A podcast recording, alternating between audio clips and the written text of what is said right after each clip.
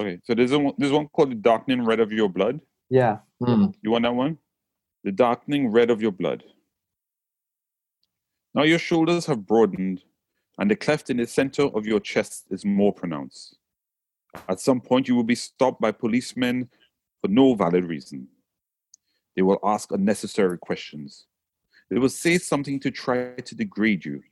They will look for some reaction or excuse to cause you harm.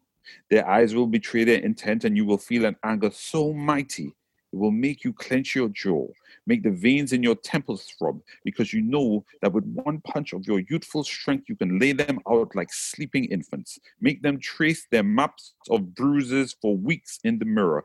This is a trap, young brother. Do not fall for it. Don't be the ink of a new obituary. Think about your mother's grimace. Think of the gap you'll leave amongst your people, grieving you like a tongue to a missing tooth. Take the contempt out of your eyes. They love the flow of blood. It makes them feel powerful, like a god. They'll talk about how dark red your blood seemed at the station for years. They'll laugh at its thickness, how you passed out begging for help. Realize that keeping yourself alive is bigger than racism and disrespect. Keep alive, young brothers. Keep living.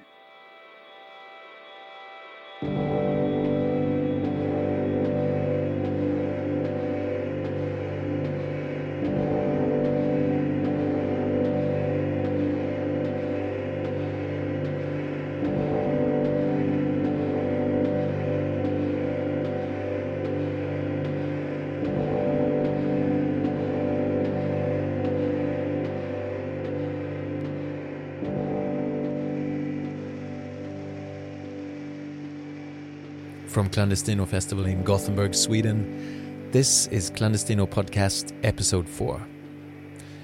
We just heard The Darkening Red of Your Blood by Roger Robinson. Next to his work as a poet, Roger Robinson is an activist and also the vocalist of King Midas Sound, whose music can be heard in this episode. He was born in London but moved to his parents' Trinidad as a three year old, where his father worked as a PR executive for an oil company.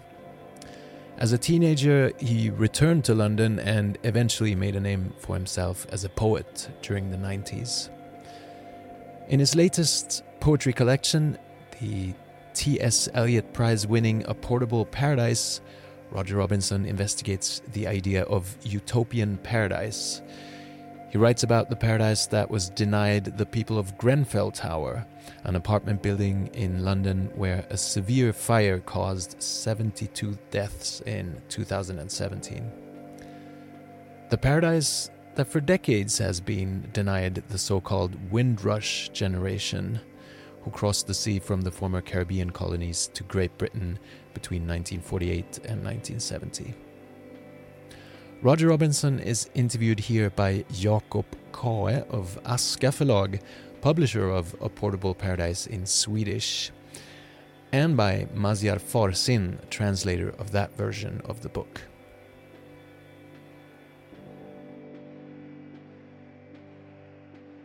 living through this uh, epidemic um, with uh, with the lockdown and um, and the whole situation with uh, like uh, the, the healthcare systems and um, and at the same time uh, we are experiencing a, a big reaction on uh, police violence against black people uh, specifically um, with Black Lives Matter.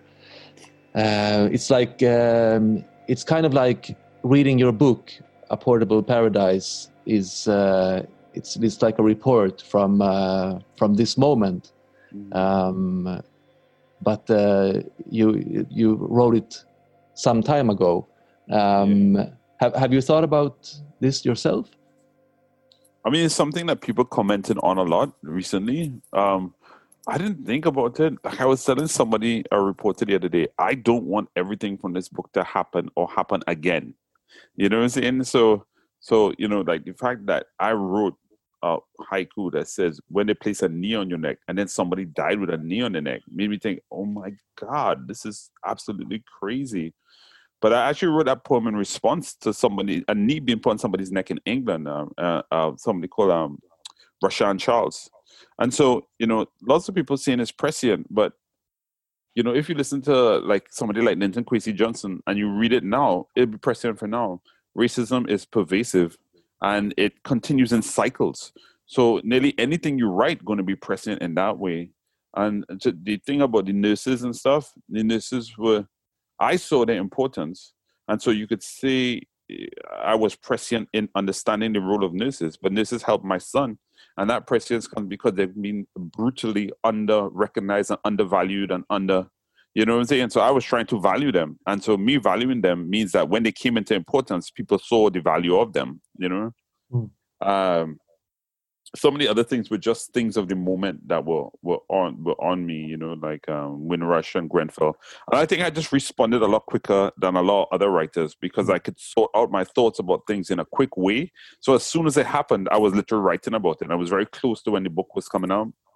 And so and so the things that spool off from it, I had already started thinking about. So I probably started thinking about I'd probably I'd started thinking about they're not going to rehouse these people. I know they're not going to rehouse these people, and I'm going to write something about it. So that's probably as far as I go with me trying to be in front of something. You know what I'm saying? It's just like because I know the process of ignoring uh, black people in England is so it's so cyclical that you could nearly predict what's going to happen all the time. You know?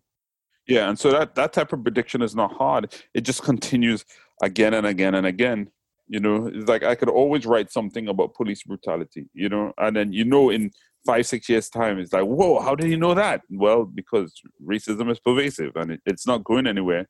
And until you deal with the idea of of how racism is linked to uh, capitalism and slavery, um, then it will never go away. You know what I'm saying? It's like, yeah. Yeah, and this is i guess something you do throughout the book give value to to to a lot of different situations like the grenfell tower the the, yeah. the tower block that burned in 2017 it was right yeah yeah yeah um as well as the the windrush generation and the the people that were affected of the windrush scandal mm-hmm. somebody somebody said you know you I, I see there's an interesting thing you do. This is what they were saying to me. There's an interesting thing you do by stating the low level status of something and then trying to elevate the status gradually during the poem. I was like, wow, I never thought about that. But I, I, I told him I'm going to take that because I said, I, I think how I approached it is that I'm trying to create honor and empathy. Mm. Yeah. So if I'm writing about something, I'm trying to create honor and empathy. So I'm, I'm trying to bring some dignity to the lives of the people who I'm writing about. And and and make my connection make my connection to it real and authentic you know that it's I, I i wouldn't write something about just to be on a report on reportage. I'm not a journalist. Mm. i'm most times i write about it because i'm being genuinely moved. Um and and that kind of empathy for it kind of tipped me into writing about it. And i felt like i had to say something about it. Yeah. Yeah, and this empathy that you talk about is not something that we see so much during these days, I guess. Right, right. And, and that's where your book kind of comes in, uh, getting the importance that that we can see now. Right. I mean, part of the empathy thing is is is just like I think that's a, that's a bigger part of why I write. You know, trying to try and create empathy, but there's also a kind of bigger mission that you know I've said many times that without empathy, it's easy to dehumanize and devalue people. And if you dehumanize and devalue people, then it's easy to kill them, or easy to damage them, or easy to make something that could um, wipe out their generations. It's easy to make them slaves. It's like so if you dehumanize in slavery, part of the whole slavery thing was okay, just declare them not human and then we can do everything that we want to do. But to some extent, in every movement against black people in particular, there has been a dehumanizing element before they actually made a move for either death or exploitation or, or forced labor eh, or inhumane things because it would be hard for them to live without the dehumanization. You know, because if they're not human, then then we're allowed to do these things. You know. Yeah, exactly. But has it kind of been painful to you to to be to be seeing all this that is happening now? You know, or does it give you some you know hope for the future? Or how do you feel about this movement that we see I'm, on the I'm, streets and all over the world right now? I mean, you know, the racial trauma of George Floyd in particular unopens all your un, your all your unopened racial trauma. So everything comes out. And then you realize how much you're actually holding. But I think it's important for all of it to start coming out. So I think there are going to be lots of changes, but I'm not sure that the change is going to be going to last because racism is a system. It's a 400 year old system and a very strong system. So how are we going to unpick that 400 year old system in a minute? Yeah. So I think the you know the things that happen and George Floyd being a metaphor for the kind of struggle that black people have to live through all their lives is um I think it's going it's opened up a genie bottle where people are not willing to hold it. And they're not willing to hold it, to some extent you can see people as human. And so you have a sense of uh, especially white millennials and liberal white people starting to think, okay, let's accept that there's something wrong here and there's something need to change. I mean, the hard right are still like, fuck you. You know what I'm saying? It's just like, but um, but that, that that again is a lack of empathy. You know what I'm saying? A lack of empathy for the moment, a lack of empathy for people, and also a lack of empathy from themselves. Because you know, not many people talking about like these types of decisions. To not have empathy is also a kind of trauma. You know, I wrote a poem, one of the new poems for the new book, and it's called The Hung Man. And it's about a man being hung, and he, when all the crowds gone away, and all the children and all the mothers in their day dresses, he pulls himself down from the rope and he sits down and he thinks, Oh my God, what about the trauma of these young white children? How can I break their pain? How can I break the ritual? That's what the hung man is thinking. And then eventually the sky tells him it's time. The eddies of dust tells it's time. And then, you know, he disappears. You know what I'm saying? Just like, and it's about the trauma of aggression. You know, even aggressors hold trauma. And to some extent, hurt people hurt people. So there's a hurt that's being passed on that continues on, even from slavery, in the people who are being aggressors mm. and in their families. You know. I'm getting deep. I'm getting deep on you guys earlier. Getting deep, deep.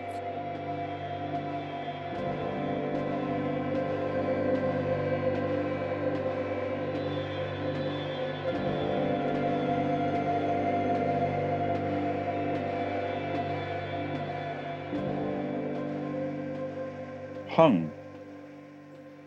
After the excited crowds of children's fathers and mothers disperse. The hung black man opened one eye cautiously. There was no one in sight, so he got his tied hands free, grabbed the rope, and pulled his body weight up with one hand and loosened the rope around his neck with the other. The hung black man felt hungry. He had a taste for roasted corn with its blackened char-grilled pearls coated in salted butter. He rubbed his badly bruised neck. He sits at the base of the tree and thinks about the emotional damage to the cheering crowds who do not even understand their pain. He thinks how that pain will run through every generation of the child who watched the black man choke and swing like a pendulum while his mother wore her Sunday best and clapped. He couldn't think of the correct ritual to break the curse pronounced on the white children. Then a white man dressed in a black suit was walking directly towards him. He got up to defend himself, and the man walked through him as if he didn't see him, as if he wasn't there. Then the trees whispered, It's time. And small eddies in the dust whispered, It's time. And the clouds whispered, It's time. And so it was.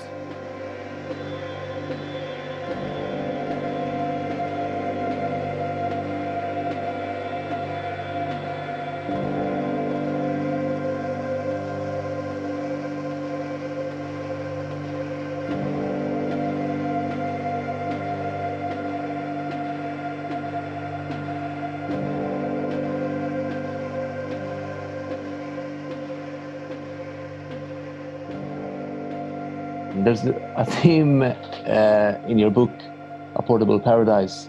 It's in the title. It's uh, paradise, um, and uh, in the midst of uh, of like these uh, these dark dark things with uh, anger and injustice and sorrow.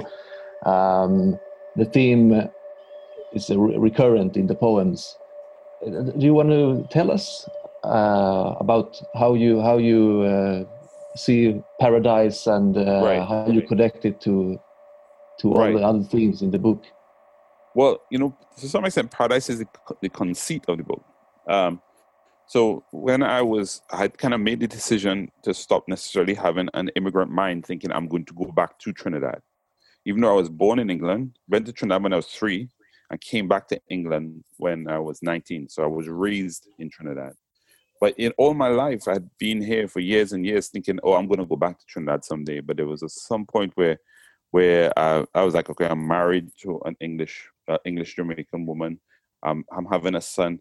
I was like, I live here. I'm, I'm not going back, you know, and, and very much about looking at England and making sure that I'm making some kind of commentary, creating literary so that my literature, so that my son could feel at home here. And so, to some extent, I wanted to create a paradise, the paradise that I known in Trinidad, which was literally an idyllic paradise. And how can I create a paradise here and make it portable? And so, there was some writerly stuff about kind of like really excavating what the philosophy or what paradise actually is philosophically. And then things started to happen politically where I felt like our responsibility was falling on my shoulders. So Grenfell happened, Windrush happened, things like, you know, the kind of stuff Trump was doing, uh, stories about people who were suffering through gentrification. Really, people have been looking to England for paradise for years and years and years, and literally finding hell. You know, and so I was just like, wow, it's up. You have a portable paradise. But what, if, what do you do when you don't achieve paradise? So that's the conceit of the book. But I would say the theme of the book is really the devaluation of the black body, and how you, when you devalue the black body, how do people react to that devaluation? How do people act towards the devalued? The consequences of devaluation the black body. So, for instance, there are a few uh, private poems. So the poems about my son, I, I don't call them public poems. I call them private private poems, but they fit the theme of the book in terms of somebody valued my son's black body, and that black person was also devalued herself in terms of they didn't recognize all the particular talents that she brought to as as a nurse in Grace. And so where it fit the theme and it had uh it may be private but have a public resonance. Yeah. But I was I was thinking about this uh um like the, the negative and the positive fitting both in into paradise like uh and uh, and also thinking about like the, the immigrant mind and um, you know you, you see different mindsets and uh, and one one mindset is definitely like the idealiza- idealization of uh, yes. of the old home do do you see it like uh, like a perfect a perfect place, a perfect. Uh, I mean, no place is perfect. Paradise. And, no. and also, my idea of paradise of Trinidad is a memory. When I go back to Trinidad, people just look at me like I'm English anyway. You know, even though I'm to you, I might sound very Trinidadian, but when I go back, they like they look at me like I'm English. They they're trying to get some money. You know what I'm saying? Like when I go back, you know. So, um, but all my family live in Trinidad. So my sister, my mother, my my father, like I'm the only person from my immediate family who lives in England. But um, no, it's not paradise. I actually went back to Trinidad for six months with my wife, and it didn't work out well at all. You know what I'm saying? So I have under no illusion that Trinidad is a paradise. Trinidad is a what I'm talking about is the memory of Trinidad in, in terms of my growing up years, which to me was like a paradise, you know. And so what I'm what I'm bringing across is the idea of that memory, and um, and and and it was a, a, a different time in Trinidad. It was a time of oil money, and and not as much cocaine or crack. You know what I'm saying? It's like no no big drug gangs uh, more of a I can't say a proper distribution of wealth, but it had a kind of trickle down. So people, you know, so even though there was a lot of money being made at the top and a lot of money being taken out by Texaco, which is a Texas gas company, there was still enough money to kind of create jobs. You know, so most most people were employed, and being employed meant that they could have a decent standard of living. So it was. Uh, so I grew up in a time buoyed by oil money in Trinidad sometimes when I go back, I find myself slipping into words and phrases from 25 years ago. Yeah. trying to fit in, and they'd be like, "Whoa, we ain't heard that in a while," you know. Or I'll be, I'll be walking up my house, and somebody be like, "Yo, yo, yo, Englishman, give me some money," or you know, I'll be like, "I'm from Trinidad." They were like, mm, "You're not from Trinidad lately," you know. I was like, "How could you tell?" He says, "Nobody in Trinidad wears shoes like that." And nobody in Trinidad walks that fast. You know what I'm saying? Just, we walk a lot slower than you walking, my friend. How does that make you feel being seen as an Englishman in Trinidad? I, I don't care. And it, it, doesn't, it, it doesn't matter to me at all. I think um, I'm more interested in my family and um, and you know passing on some Trinidadian heritage to my son in terms of like at least let him know what I know about a different type of living and country. To some extent, coming from Trinidad, when I grew up from three to nineteen, Obama wasn't my first president. You know, I've, every single president I ever had was black. Every doctor I ever went to was black. Every psychologist I ever went to was black. Everybody who I went to was black. And so I had a confidence in blackness when I came into England, which is very different from a lot of people who weren't confident in their blackness because they just hadn't had the role models or they haven't had the opportunity to, to move forward. But I'm from a black Trinidadian country, black and Indian. And so to some extent, me being able to do what I want to do is because I've grown up with a certain type of confidence.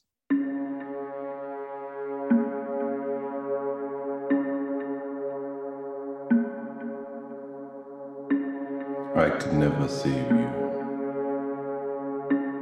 I couldn't even save myself. We were unhappy with everything except each other. Our hate for the world spewed from our mouths like venom. And I stuck to you because it was better than sticking to nothing.